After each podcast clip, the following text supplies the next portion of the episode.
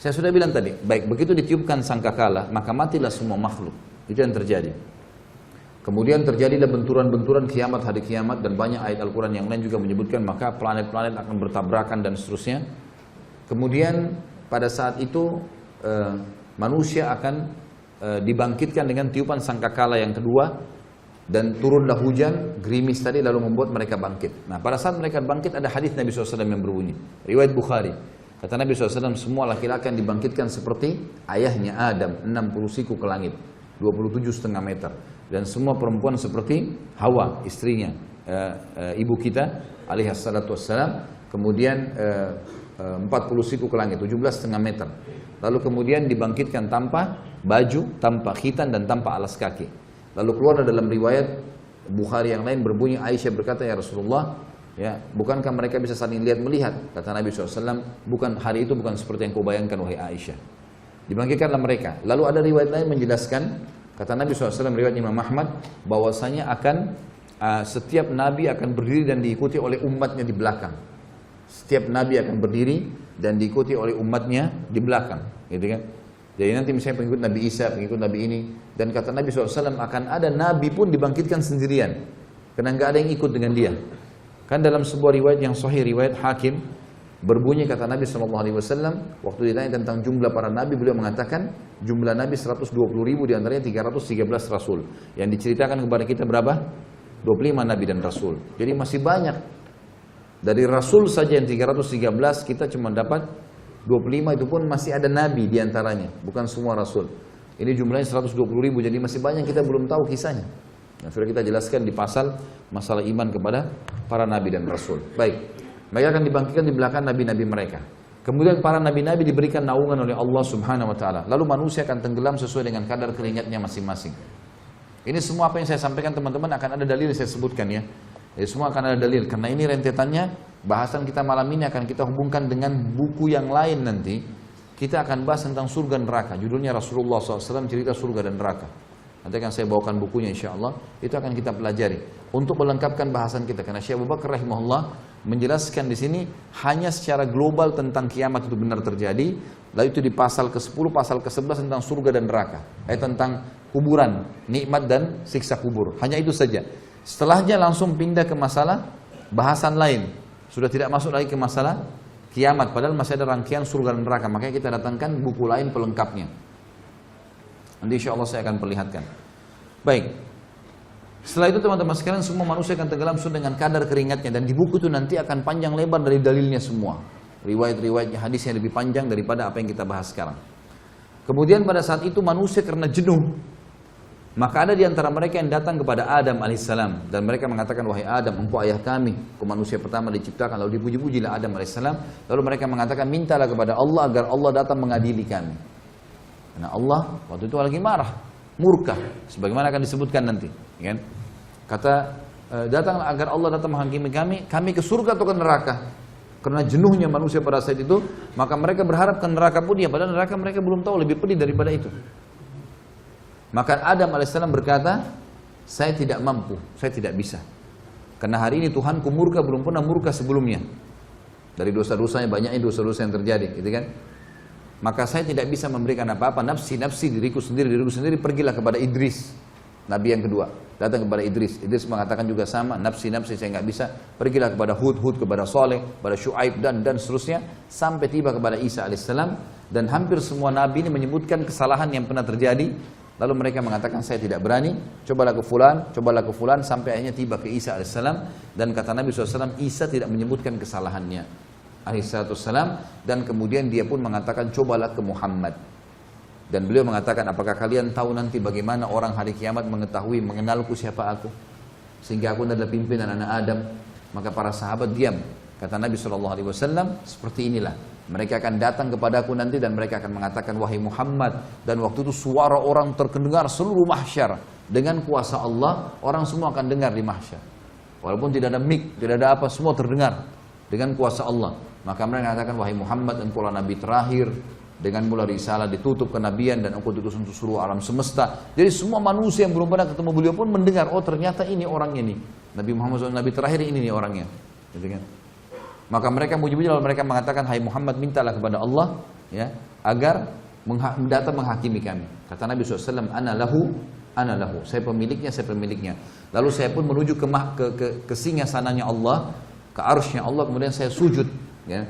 Dan Allah yang maha tinggi dan maha pemurah, Azza wa Jal, membukakan kepadaku puji-pujian, hamd, ya, yang tidak pernah dibukakan untuk orang sebelumnya sebelum aku. Lalu aku pun sujud, Allahu a'lam berapa lama, kata Nabi SAW. Beliau sendiri tidak tahu.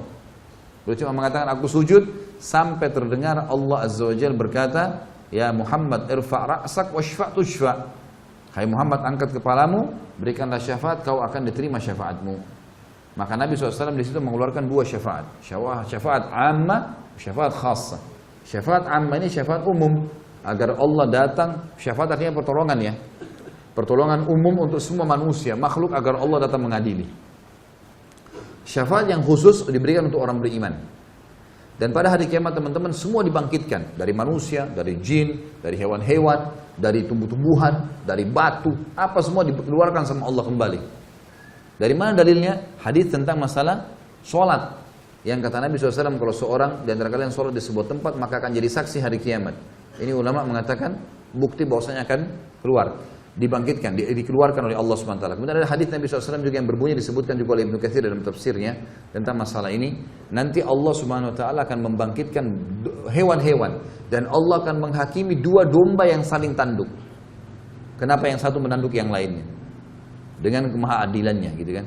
Tapi tentu teman-teman tidak usah ditanya hewan-hewan nanti ke mana, Allahu alam, nggak ada dalilnya. Ya. Yang penting antum selamat. Gak usah tanya macam-macam gitu kan. Itu intinya. Tapi memang ada hadis menjelaskan ada unta yang menanduk ditanya oleh Allah kenapa dia menanduk, gitu kan? Saking keadilan Allah swt menyebar di mana-mana. Baik. Kemudian pada saat itu Allah swt menghakimi manusia. Didatangkanlah timbangan dan timbangan ini memiliki lisan. Di dalam hadis dikatakan memiliki lisan yang akan memuji orang beriman dan akan menghardik orang-orang yang kafir, gitu kan? Ditimbanglah amal dan timbangan tersebut datang dengan neraca keadilan. Neraca keadilan tidak akan pernah bisa menimbang, tidak akan menimbang kecuali amal. Sampai-sampai kata Nabi SAW akan datang seseorang yang badannya besar. Bayangkan kalau tinggi kita pada saat itu 60 siku ke langit. Nah, 27 setengah meter. Dan Adam alaihissalam itu tingginya 27 setengah meter, lebarnya itu 6, 7 meter kurang lebih. Itu luar biasa. Nah, semua manusia akan begitu laki-laki. Ada seseorang kata Nabi SAW badannya besar, loncat ketimbangan amalnya untuk memberatkan dan tidak bertambah sedikit pun. Dan tambah cuma amal solehnya. Tidak ada gunanya dia loncat itu pun tidak akan bermanfaat. Ditimbanglah amal tersebut. Orang-orang yang memang lolos adalah orang-orang yang disendirikan oleh Allah Subhanahu wa taala. Kemudian orang-orang yang masuk neraka juga dimasukkan neraka tinggal ditimbang adalah orang-orang yang beriman yang punya dosa. Baik, sementara tunggu di mahsyar tadi ada yang saya lupa, ada tujuh golongan yang dinaungi oleh Allah pada saat itu. Tidak kena panasnya matahari. Yang pertama imam yang adil, ya, pemimpin yang adil.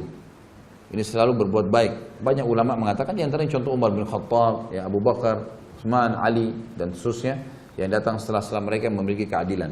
Sampai hari kiamat berlaku tentunya siapa pun orang muslim yang memiliki keadilan dalam uh, pemimpin. Yang kedua adalah seseorang yang hatinya terikat dengan masjid. Kata sebagian ulama hadis yang dimaksud adalah antara azan dan azan. Dia sibuk dengan itu. Azan ke masjid, azan ke masjid. Pokoknya terikat diri dengan masjid. Rajulun mu'allakun qalbu bil masajid namanya. Kemudian yang ketiga adalah dua orang yang saling mencintai karena Allah. Berkumpul karenanya, berpisah karenanya. Dan ini disunnahkan teman-teman sekalian kita saling mencintai karena Allah. Antum cari siapa di antara sesama jenis laki-laki dan laki-laki, perempuan dan perempuan dia menyukai saudara muslim karena ibadahnya. Karena luar biasa ibadah sholat malamnya, majelis ilmunya, segala macam. Dia datang dan sunnah mengatakan saya mencintai kamu karena Allah. Lalu dijadikan sebagai sahabatnya yang selalu dia komunikasi setiap hari. Jadi kan partner di mana pun dia pergi. Ini sunnah Nabi SAW. Makanya waktu beliau datang ke Madinah, beliau membangun asas negara ada tiga. Ya. Pertama bangun masjid, Kuba dan Masjid Nabawi sebagai basis, maka setiap orang yang mau membangun sebuah komunitas muslim harus ada masjidnya dulu. Kemudian yang kedua, mempersaudarakan muhajirin dan ansar, ini yang kita bahas. Yang ketiga adalah menulis kesepakatan dengan orang-orang kafir di Madinah agar membela bersama-sama Madinah. Ini asas negara kata para ulama yang mesti ada bagi setiap muslim. Baik. Pada saat itu, uh, orang yang bersaudara karena Allah berkumpul karenanya berpisah karenanya akan mendapatkan juga naungan Allah Subhanahu wa taala. Ini yang keberapa? Yang ketiga, dua dari mana? Yang keempat, seorang laki-laki masuk dalamnya kata para ulama perempuan. Ini. Seorang laki-laki yang dipanggil oleh seorang wanita yang cantik, memiliki kecantikan dan kedudukan.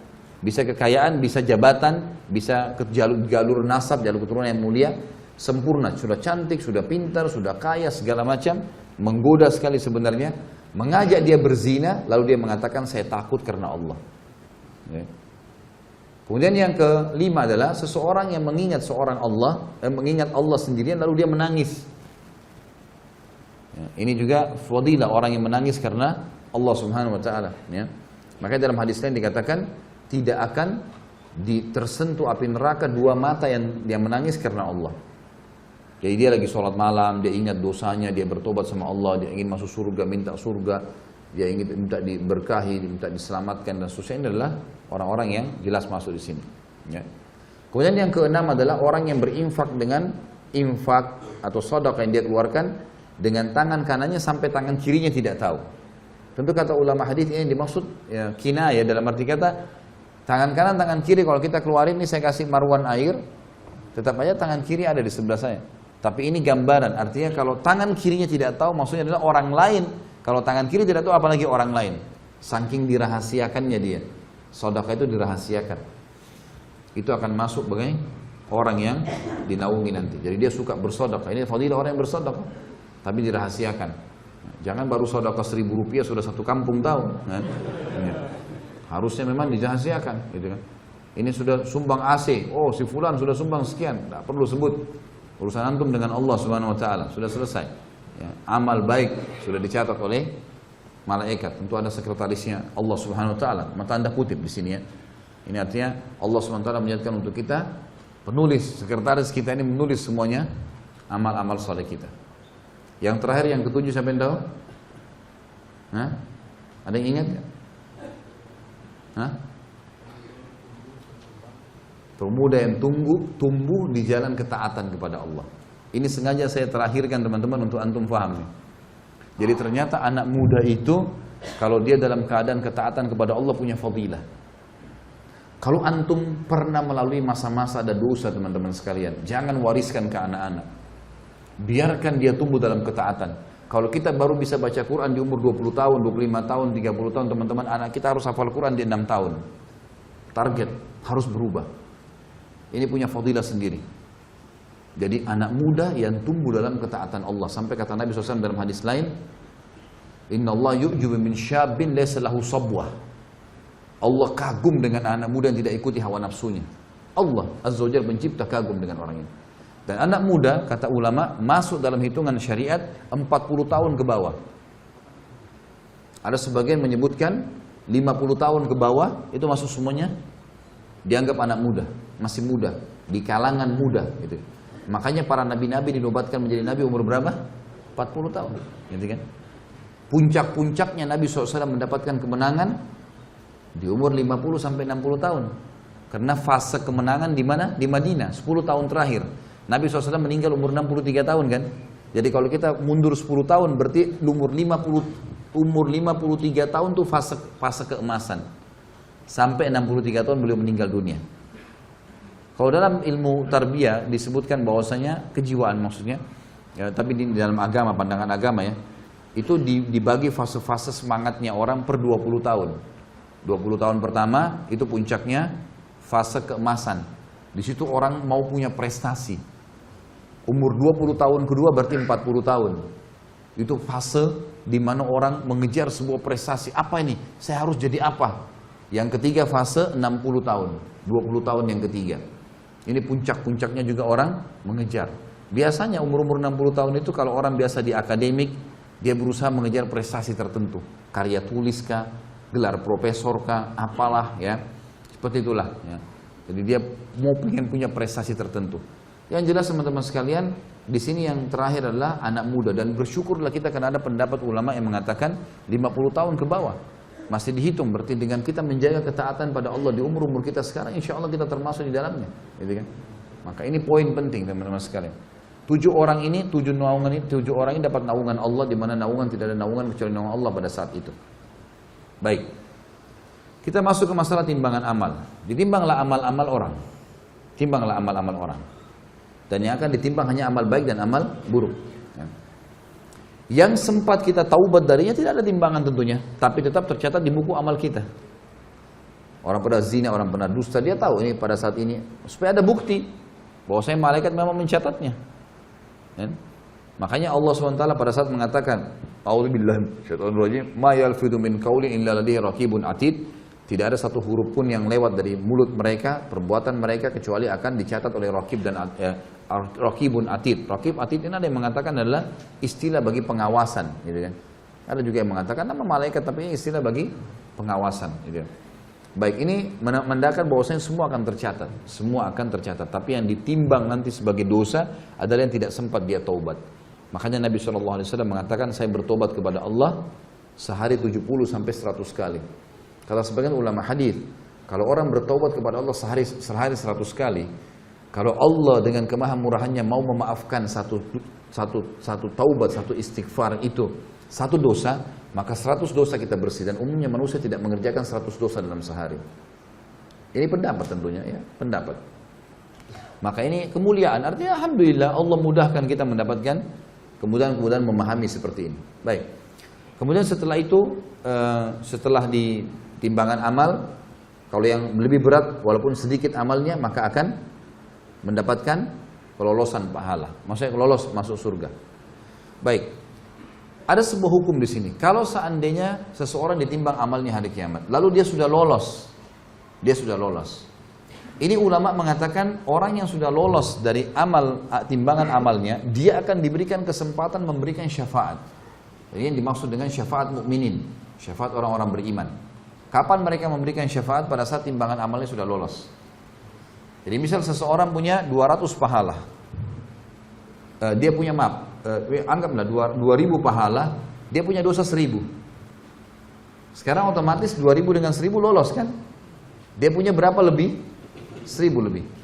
Nah, sebagian ulama, saya bilang di sini sebagian mereka mengatakan bahwasanya orang ini bisa memberikan syafaat 1000 pahala kepada orang yang dia suka saudaranya kah, kerabatnya kah, mungkin ada lagi timbang amal butuh 900 dikasih sama dia.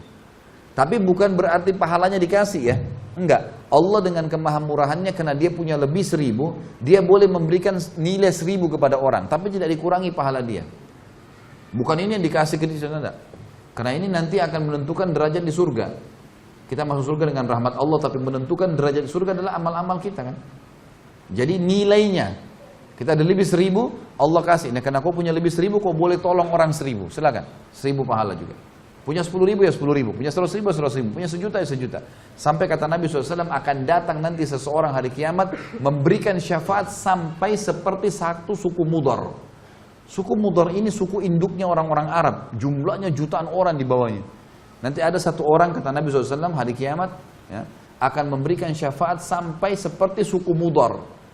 Saking banyaknya pahalanya dia, ditimbang dosanya sedikit, lolos. Maka dia akan berikan syafaat, si fulan kasih sekian, si fulan kasih sekian, si fulan lolos. Nah, itu juga akan kita ulangi nanti riwayat insya Allah pada saat bahas tentang buku Rasulullah SAW cerita surga neraka. Berikut riwayat-riwayatnya di buku mana, siapa yang riwayatkan nomor hadisnya dan seterusnya. Baik. Pada saat itu diberikanlah syafaat-syafaat, pertolongan-pertolongan dan tidak akan masuk neraka kecuali orang yang betul-betul luar biasa.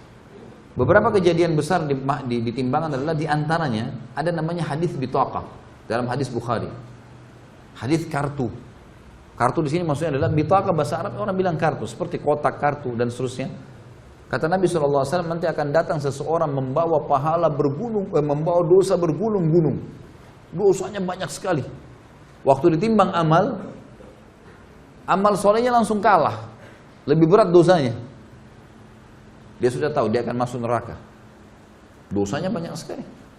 Gak mungkin selamat sudah, lebih berat. dosanya daripada pahalanya.